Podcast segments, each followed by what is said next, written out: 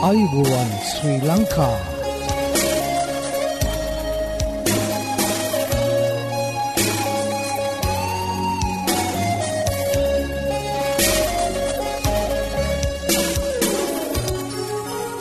ඔබට සුපදස මේ ඇඩවෙන්ටිස් වර්ල් රේඩියෝ බලාපොරොත්වය හඬයි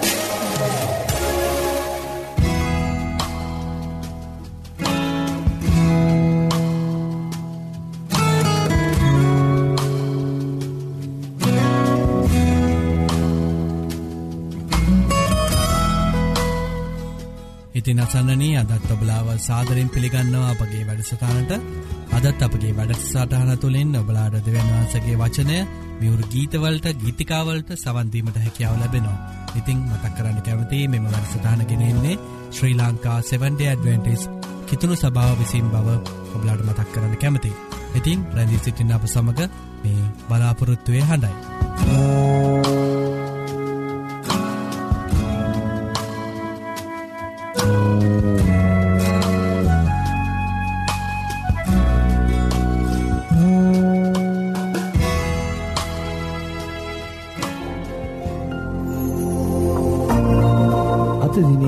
බයිබල් පාටය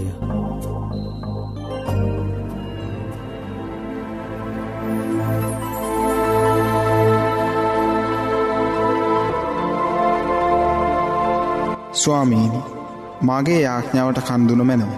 මාගේ කන්නලව් ශබ්දය ඇසුව මැනව. මාගේ විපත්ති දවසේදී ඔබට යාඥා කරන්නෙමි. මක් නිසාද ඔබ මට උත්තර දෙනසේක.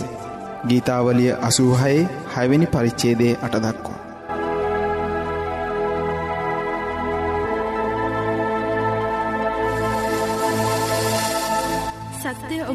ඔබ නිදස් කරන්නේ යසාය අටේ තිස්ස එක. මේ සත්‍ය සොයමින් ඔබ අද සිසිින්නේද එසේ නම් ඔබට අපගේ සේවීම් පිදින නොමලි බයිබල් පාඩම් මාලාවට අදමැතුල්වන්. මෙන්න අපගේ ලිපිනය ඇඩවෙන්ටිස්වල් රේඩියෝ බලාපොරත්තුවය හඬ තැපැල් පෙටේ නම සේපා කොළඹ දුන්න. ආයුබෝවන් මේ ඇඩවෙන්ටිස් වර්ල් රේඩියෝ බලාපොරත්තුවය හඬ.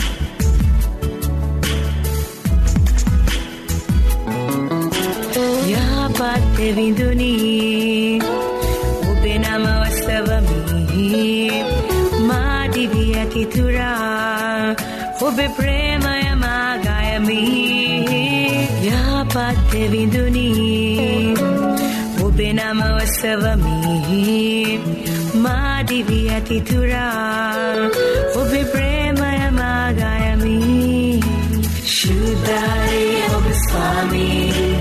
ඇසසුම් ලැබුමට සැරේ. ශුද්ධයි ඔබ ස්වාමී ඇසසුම් ලැබුමට සැරේ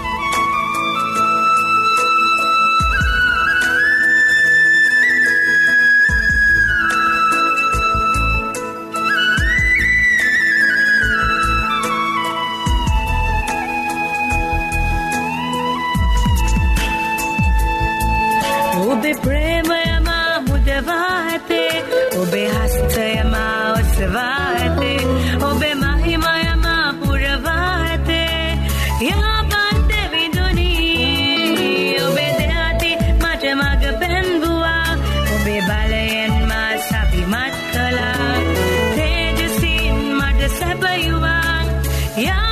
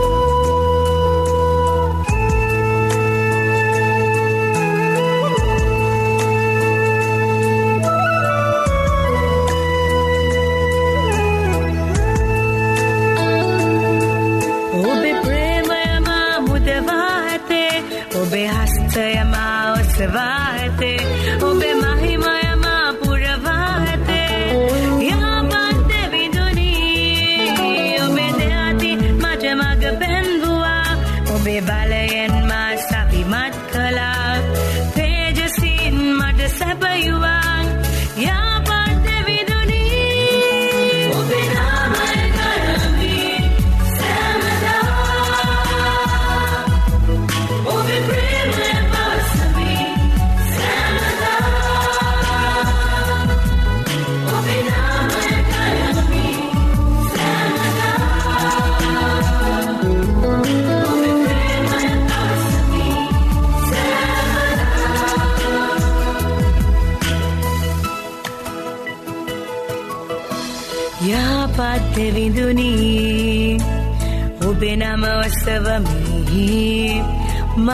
මාදිවී ඇතිතුරා ඔබේ ප්‍රේමය මාගයමි යාපත්ත විඳුනී ඔබේ නම ඔස්සවමි මාදිවී ඇතිතුරා ඔබේ ප්‍රේමය මාගයමි ශුද්ධයි ඔබ ස්වාමී පැතිසුම් ලැබුමට සෑහේ ශුද්ධයි ඔබ ස්වාමී පැතිසුම් ලැබුමට සෑහේ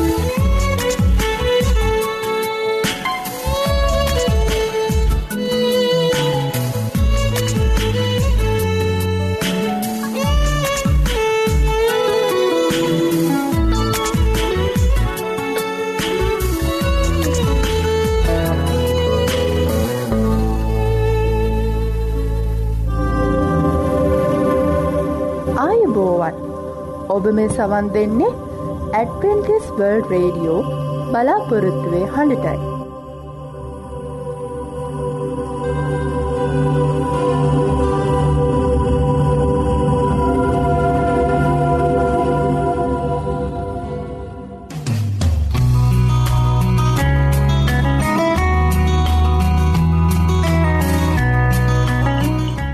ඉතින් අසන්නනී ඔබලාට ස්තුතිවන්ත වෙනවා. අපගේ මෙම වැඩසටාන් සමඟ එක්වී සිටීම ගැන. ඇතින් අපි අදත් යොමුුවම අපගේ ධර්මදේශනාව සඳහා. අද ධර්මදේශනාව ඔබහටගෙනෙන්නේ විලීරීත් දේවගෙදතුමා විසින්. ඉතින් ඔහුගෙනන ඒ දේවවාක්‍යයට අපි දැන් යොමු රැඳි සිටින්න මේ බලාපොරොත්තුවය හඬ.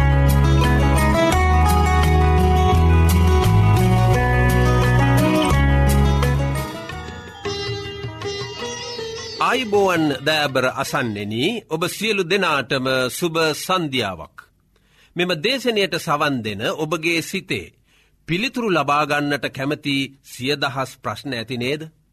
බලන්න කුඩාලාමයෙක් දෙස නොෙක් ප්‍රශ්න දෙමවපියන්ගෙන් අහනවා. අම් මේ මොකක්ද මේ මල. මේ මල කොහොමද ඇතිවුණේ. කෞද ඒසුස් වහන්සේ කියන්නේ. වැස්ස එන්නේ කොහොමද අම්මේ යන ප්‍රශ්න අහනවා නේද. කුඩා ළමයින්ට මෙන් තරුණ බාල මහළු යන සෑම කෙනෙක්ම විවිධ ප්‍රශ්නවලට පිළිතුරක් ලබා ගැනීමට බලාපොරොත්තුවෙන් සිටිනවා. මේ මොහොතේ අපි අධ්‍යාත්මික කෝනයකින් බලමු. ආත්මික දේවල් දෙස බලන විට මනුෂ්‍යයන්ට පිළිතුරු ලබාගන්නට බොහෝ ප්‍රශ්න තිබෙනවා. සමහර අය අහන ප්‍රශ්න වලින් එකක් තමයි පාපය යනු කුමක්ද එයින් ගැලවීමක් අපට තිබෙනවාද යන්ුවෙන් ප්‍රශ්න අහන අය බොහෝ සිටිනවා. ක්‍රස්තියානි අය පමණක් නොවෙයි පාපය යනු කුමක්ද එයින් ගැලවීමක් තිබේද යන ප්‍රශ්නය අසන්නේ. ක්‍රස්තියානි නොවන අය පවා පාපය ගැන යම් පැහැදීමක් ඇතිකරගන්නට කැමති. එමෙන්ම පාපය පැහැදිලි කරන්නට යන විට බොහෝ දෙනා විවිධ අර්ථ දැක්වීම් කරනවා. සුද්ද බයිබලේ පාපය ගැන අතිසයින් සඳහන් වෙනවා. බොහෝ ස්ථානවල පාපය ගැන සඳහන් කර තිබෙනවා. සුද්ද බයිබලේ සඳහන් වන පරිදි පාපය ගැන මෙසේ විග්‍රහ කර තිබෙනවා. පාපය වරද යනුවෙන් තේරුම් කරදී තිබෙනවා සමාරස්ථානවල. නීතිී විරෝධී යමක් කරනවා. ඉලක්කයට ලංවීම බැරිවෙනවා නපුර යනුවෙන් පාපය ගැන විවිධ අදහස් සුද්ද බයිබලේ සඳහන් කර තිබෙනවා. එනෙන්ම දෙවියන් වහන්සේගේ කැමැත්තෙන් පිට ක්‍රියාකිරීම පාපය යනුවෙන් සඳහන් කර තිබෙනවා සුද්ද බයිබලේ. එනම් දෙවියන් වහන්සේගේ කැමැත්ත කිරීම නොසලකා හැරීම හෝ උන්වහන්සේ තහනම් කර ඇති දෙයක් කිරීම පාපය යනුවෙන් සුද්ද බයිබලය පෙන්නුම් කර දෙනවා. දෙවියන් වහන්සේ මනුෂ්‍යයට දසපනතක් දුන්සේක. අනපනත් මුල් ආරම්භේදී ඒදන් වෙනෙදී ආදම් සහ ඒවට දෙවියන් වහන්සේ දුන්සේක. දෙවියන් වහන්සේ මනුෂ්‍යයාට කතාකොට ආග්ඥා කරමින් ඒදන් වේනේ සියලු ගස්වලින් කැමති ලෙස කන්ට පුළුවන්නෑ කීසේක. එහෙත් යහපත හා නපුර දැනගැනීමේ ගහෙන් කන්ට එපාය මක්නිසාද එයින් කෑ දවසෙහි ඒ කාන්තයෙන් නුබලා නසින්නේ යැයි කීසේක උත්පත්ති පොතේ දෙවැනි පරිච්චේදේ තුන්ගනි දෙවැනි පරිච්චේදේ දාසනි වගන්තියේ එසේ සඳහන් කර තිබෙනවා. නොමුත් ඒව සාතන්ගේ පෙළඹවීම කරනකොටගෙන දෙවියන් වහන්සේගේ නියෝගය ඕනෑකමින් කඩකර එම ගසෙන් කෑවාය. එම නියෝග කඩකිරීම නිසා මනුෂ්‍යයා පාපයට වැටුණා. දෙවියන් වහන්සේගේ කැමැත්ත කඩකිරීම පාපයනමින් හැඳින් වෙනවා. බලන්න ආදම් සහ ඒව යහපත කරන්නට දැනගෙනත් එසේ කෙරුවේ නැහැ. සුද්දෝ බයිබිලේ යාකුබ්ගෙ පොතේ හතුරණි පරිච්චේදේ දාහත්වනි වගන්තිය මෙන්න මේ විදිහට ඒ ගැන සඳහන් කර තිබෙනවා. යමෙක් යහපත කරන්ට දැන එය නොකරන්නේ නම් ඔහුට ඒක පාපේයයි එම පොතේ සඳහන් වී තිබෙනවා. අපගේ ජීවිත කාලේදි කරන සියලු අධර්මිෂ්ට ක්‍රියාවන්ද පාපය යනුවෙන් එක යොහන්ගේ පොතේ පස්වනි පරිච්චේදේ දහත්වනි වගන්තියේද සඳහන් වී තිබෙනවා. ආදම් සහ ඒව දේව නියෝගය කඩකිරීම නිසා ඔවුන්ට එම මොහොතේම ආත්මික මරණයකට පත්වෙන්ට සිදු වුණා. ඔහුගේ ආත්මය දෙවියන් වහන්සේගෙන් මෙන්ම ශාරීරිකව මරණයට එතැන් පටන් මනුෂ්‍යයාට හිමි වුණා. ඒ දේව නීතිය කඩකිරීම නිසා ආත්මිකව මනුෂ්‍යයා මරණයට පත් වනා පමණක් නෙවෙයි මරණයද එතැන් පටන් ඔහුට හිමි වුණා. බලන්න එක් මනුෂ්‍යයෙක් නිසා සියලුම මනුෂ්‍යයන්ට පාපය හිමි වුණා. රෝමවරුන්ගේ පොතේ පස්වනි පරිච්චේදේ දොළස්වනි වගන්තයේ අපෝස්තුලු පවල්තුමා එසේ සඳහන් කර තිබෙනවා. එක් මනුෂ්‍යයෙක් නිසා සියලුම මනුෂ්‍යයන්ට පාපය හිමි වුණා. එම පාපය නිසා මරණය මනුෂ්‍යයාට හිමිවිය. පාපේ විපාකය මරණය යයි රෝමරුන්ගේ පොතේ හයනි පරිච්චේදේ විසිතුන්ගනි වගන්තියේ සඳහන් කර තිබෙනවා. දැන් අපි බලමු පාපේ විපාකය කුමක්ද කියලා. පාපය නිතරම වෙන්වීමක් ඇති කරවනවා. දෙවියන් වහන්සේත් මනුෂ්‍යත් අතර වෙන්වීමක් ඇති වුණා පාපය නිසා. මේ බව යෙසයාගේ පොතේ පනස් නමවෙනි පරිච්චේදේ දෙවිනි වගන්තියේ ලියාතිබෙන්නේ මේ ආකාරයටයි. නුඹ නොමුත් නුඹලාගේ අපරාධම නුඹලා සහ දෙවියන් වහන්සේ අතරේ වෙන්වීමක් කළේය. පාපය නිසා ආදම් සහ ඒව අතර බෙහෙද ඇතිවිය. පාපය නිසා කයින් ආබෙල්ව මරණයට පත් කළේ. දුක වේදනාව මරණය මනුෂ්‍යයාට එතැන් පටන් හිමිවිය. ස්වභාවධර්මය වෙනස් වුන සත්ව ලෝකය පවා වෙනස් වුනා. කායිකව මහන්සියෙන් ආදම්ට ජීවත්වීමට සිදු වුණා. දරු ප්‍රසූත වේදනාව ඒවට හිමි වුණ බලන්න අසන්නෙන පාපේ බරපතලකම කොච් කොපමනද කියලා. තමාගේ අසල් වැසියා හෙලා දකින්නා පව්කරන්නේ යයි හිතෝපදේශ පොතේ දාහත්වරණි දාහතරණි පරිච්චේදේ විසි එක්වෙනි වගන්තිය සඳහන් වී තිබෙනවා. වෛරය ක්‍රෝධය ඊරිෂියාව තන්හාාව ප්‍රාණඝාතන යන සියලුම අධර්මිෂ්ට ක්‍රියාවන් පාපය ලෙස හැඳින්වෙනවා. සියලුම අධර්මිෂ්ට ක්‍රියාවන් පාපය ලෙස එක යොහන්ගේ පොතේ පස්වනි පරිච්චේදේ දාහත්වනි වගන්තයේ සඳහන් වී තිබෙනවා. තමාගේ අසල් වැසියා හෙලාදකින්නා පව්කරනවාය කියලා තිබෙනවා. එසේ නම් එක් එක් මනුෂ්‍යයන් අතර තිබෙන්නාවේ අන්‍යෝන්‍ය සම්බන්ධකම් හරිහාකාර කරන්නේ නැත්නම් එයත් පාපයක්. පාපය නිසා මනුෂ්‍යයා දේවනීති පවා කඩ කරනවා. පාපය දිනෙන් දිනම වැඩිවෙන නිසා මනුෂ්‍යයන්ගේ මානව දයාව කරුණාව හීනවී යනවා. බලන්න මතයුගේ පොතේ විසි හතරනි පරිච්චේදේ දොළස්වනි වගන්තියේ ස්වාමියූ යේසුස් කෘස්තුස් වහන්සේ මේ විදිහට සඳහන් කරති බෙන වහසේ මේ විදිහට දේශනා කරනවා. සවන්දෙන්ට අසන්නෙන. අධර්මිෂ්ඨකම බෝවෙන බැවින් බොහෝ දෙනාගේ ප්‍රේමිය හීනවී යන්නේය. බලන්න මනුෂ්‍යයන් අතරේ ඇති බේද යුද්ධ සිවිල් යුද්ධ ජනවාර්ගික සහ ආගමික අර්බුද නිසා ඇතිවන හිංසාකාරී තත්ත්වයන් යුදබිය රෝබිය සතුරුබිය මේ සියල්ලක්ම පාපයේ විපාකයයි. බලන අසන්නෙන දෙවියන් වහන්සේ බුද්ධිය ප්‍රඥාව තෝරා ගැනීමේ ශක්තිය තීරණ ගැනීමේ ශක්තිය ඇතිවයි මනුෂ්‍යාව මැව්වේ. නමුත් දේව කැමැත්තට දේව නියෝගවලට පිටුපා මනුෂ්‍යයා ක්‍රියා කළ නිසා පාපේ විපාක්වලට මුහුණ දෙන්නට සිදු වුණ. දුක වේදනාව මරණය ඒ බරපතලකම මනුෂ්‍යයාට දැනුණා. ඊළඟට අසන ප්‍රශ්නය නම් මේ දුකෙන් පාපයෙන් වේදනාවෙන් මිදෙන්නට මගක් නැද්ද යන ප්‍රශ්නයයි. මේ ප්‍රශ්නය නිතරම මිනිසාගේ සිතේ රැව්පිළි රැව් දෙනවා. පාපය සහහි විපාකය දෙස බලන විට මනුෂ්‍යා විසින් ගතයුතු පියවරවල් දෙකක් තිබෙනවා. එනම් කළ වරද පාපය පිළිගෙන පාපොච්චාරණය කිරීම. සහ එම පෞකාර ක්‍රියාවන් අත්හැර දැමීම යන පියවරවල් දෙකයි. ධවිත් රජතුමාගේ ජීවිතය කදිම නිදසුනක් අසන්නෙන. ඔහු අන්සතු බිරියක් කෙරෙහි ඇති වූ ආසාාව නිසා ඇව ලබාගන්නට ඇගේ ස්වාමි පුරුෂාව මරාදමන්නට ධවිත් රජතුමා සැලසුම් කෙරුවා. රාගෙන් මත්ව සිටි රජතුමා එම කාන්තාව තමාගේ අඹුව කරගත්තා. මේ ක්‍රියාවනිසා ඔහු දෙවියන් වහන්සේට විරුද්ධව පව්කෙරුවා. පසුව නේදනම් ප්‍රපේතවරයා රජතුමා කළ වරද පෙන්වා දුන්නා. එවිට රජතුමා කළ වරද පිළිගෙන දෙවියන් වහන්සේ ගෙන් සමහව ඉල්ලවා. මේ සමහාව ඉල්ලන ගීතිකාවක් ඔහු ලියා තිබෙනවා ඒ තමයි පනස් එක්වනි ගීතාවලිය. පනසැක්වනි ගීතාවලිෙහි ඔහුගේ පසු තැවිලීවීම දාවිද රජතුමා ලියා තිබෙනවා. ටිකක් අපි බලමු හතරණී වගන්තිය දෙස. ඕ මෙන්න මේ විදිහට දුකෙන් පවසනවා. ඔබට විරුද්ධව ඔබට පමණක් විරුද්ධව පව් කෙළමි. ඔබගේ ඇස් හමුහෙයි නපුරුව තිබෙනදේ කෙළමි. වරද පිළිගත් රජතුමා නිහතමානිව දෙවියන් වහන්සේගෙන් සමහව ඉල්ලා සිටිය.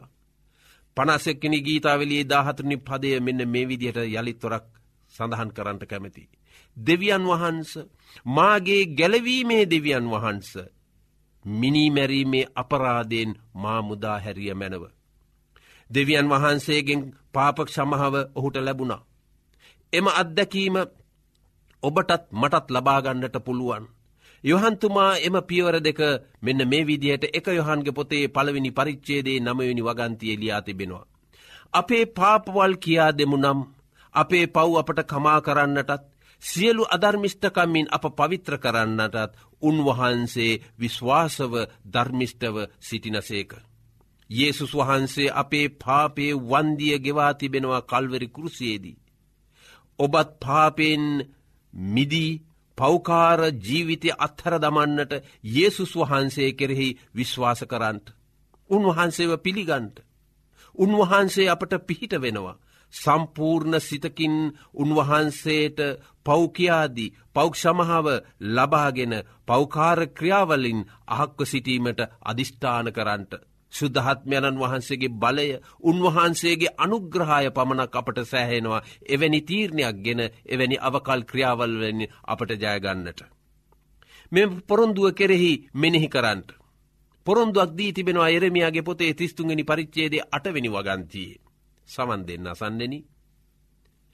ඔවුන් මට විරුද්ධව කලා වූ ඔවුන්ගේ සියලු අයිතුකමෙන් ඔවුන් පිරිසිදු කරන්නෙමි. මට විරුද්ධව පව්කිරීමෙන්ද මට විරුද්ධව ද්‍රෝහි කිරීමෙන්ද කලා වූ. ඔවුන්ගේ සියලුම අයිතුකම් ඔවුන්ට කමා කරන්නෙමි. මේ තමයි අපගේ ජීවමාන මහොත්තම දෙවියන් වහන්සේ මෙවැන් ප්‍රශ්න ඇති අයට දීතිබෙන පොරොන්දුව. අසන්නෙන පාපේ ග්‍රහණයෙන් මිදී දුක වේදනාව මරණය නැමැති පාපේ විපාකෙන් මිදන්නට එන්න පිළිගන්න යේසුස් කෘස්තුස් වහන්සේව. ඔබගේ ජීවිතයේ ඉතිරි කාලය චිත්ත සාමයෙන් යුත් ධර්මිෂ්ට ජීවිතයක් ගත කරන්න ඔබත් තෝරාගන්න. දෙවියන් වහන්සේට පුළුවන් ඔබගේ ජීවිතය අලුත්කොට ඔබට යහපත් ජීවිතයක් උදාකර දෙන්න. පාපේ බරෙන් නිදහස්වීම ඔබගේ අධිෂ්ඨානය නම් දෙවියන් වහන්සේ ඔබට පිරිනමන මේ ආරාධනාව ඔබ කැමතිනම් පිළිගන්ට. එසයාගේ පොතේ පළවෙනි පරිච්චේදේ දහට නිවගන්තිය මෙන්න මේ ආරාධනාව අද මේ මොහොතේදී ඔබට උන්වහන්සේ පිරි නමනෝ.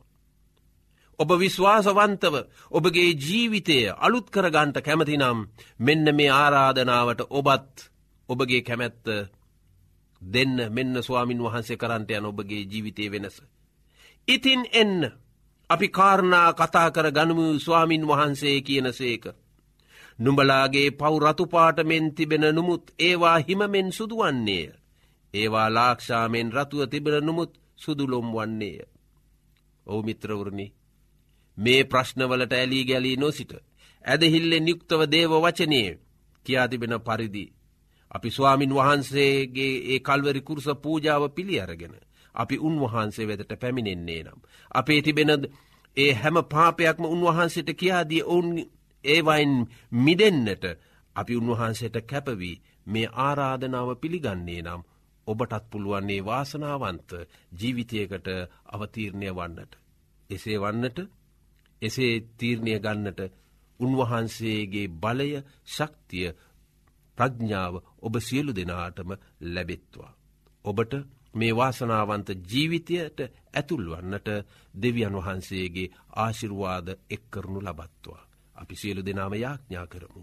මහොත්තම දෙවි සමිධානෙන පාපේ විපාකය නිසා දුකට වේදනාවට පත්ව සිටින මරණයට ගොදුරුවී සිටින සෑම මනුෂ්‍යෙක්ම කල්වරි කුරුසව ජීවිත පූජාවෙන් ස්වාමියූ යේසුස් කෘස්තුස් වහන්සේ අපව බේරාගත් නිසා ස්තුතිවන්ත වන අතර උන්වහන්සේව යම් කිසි කෙනෙක් පිළිගන්නේද.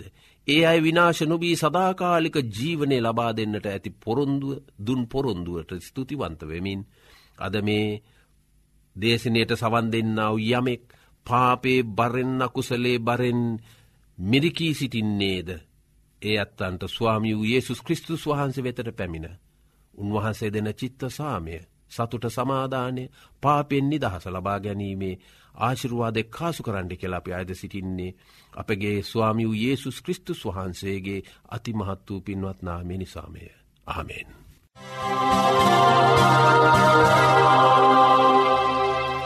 ඔබ මේ රැදි සිටින්නේ Sri Lanka Adventist world radio බලාපොරොත්තුවය හඬ සමඟයි.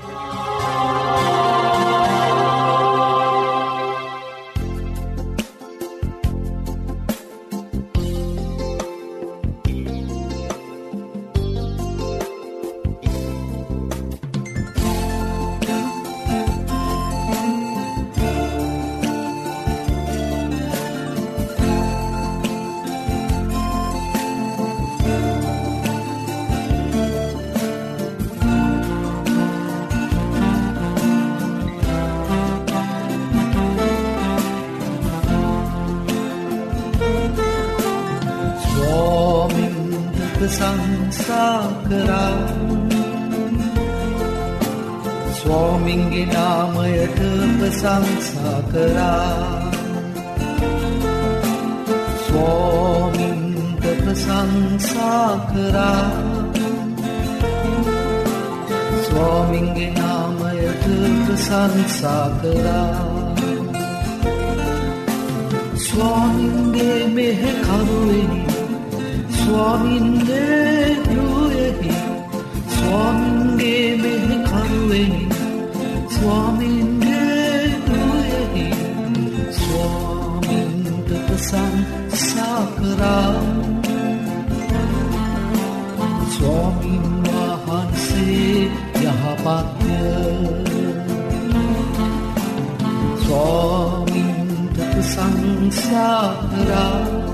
මක්නිසාද ස්වාමින් වහන්සේ යහපත්ය.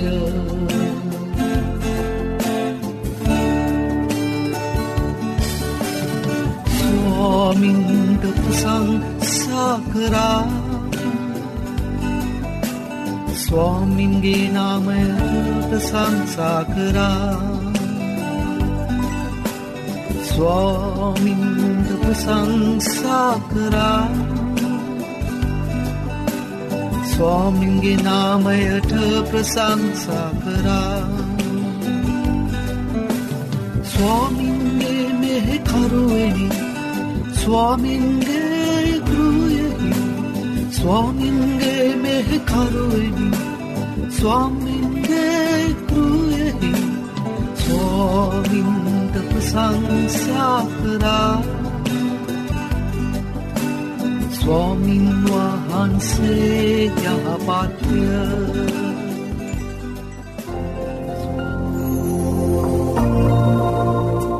අපේ මෙ වැඩසටාන තුළින් ඔබලාට නොමිලේ ලබාගත හැකි බයිබල් පාඩං හා සෞඛ්‍ය පාඩම් තිබෙන. ඉතිං ඔබලා කැමතිනං ඒවට සමඟ එක්වෙන්න අපට ලියන්න. අපගේ ලිපින ඇඩවෙන්ටිස් වර්ල් රඩියෝ බලාපොරත්තුවය හඬ තැපැල් පෙට්ටිය නමසය පහ කොළඹ තුන්න මම නැවතත් ලිපිනීමතක් කරන්න. ඇඩවෙන්ටිස් වර්ල් රඩියෝ බලාපොරත්තුවය හඬ තැපැල් පෙට්ටිය නමසය පහ කොළඹ තුන්න ඒවගේ මබලාට ඉත්තාමත් ස්තුතිවන්ත වෙනවා අපගේ මෙම වැඩසිරාණ දක්කන්නව ප්‍රතිචාර ගැන. අපට ලියන්න අපගේ මේ වැඩසටාන් සාර්ථය කර ගැනීමට බලාගේ අදහස් හා යෝජනා අපට අවශ්‍ය අදත් අපගේ වැඩසටානය නිමාව කරාලඟාව තිබෙනවා. ඉතිං පුරා අඩහෝරාව කාලයක් අප සමඟ රැඳී සිටියඔබට සූතිවන්ත වෙන අතර එටදිනෙත් සුපුරුදු පරිති සුපුරුදු වෙලාවට හමුවීමට බලාපොරොත්තුවයෙන් සමුගන්නාමා ක්‍රස්ත්‍රියකනායක ඔබට දෙවියන් වහන්සේගේ ආශිරවාදය කරුණාව හිමියේවා.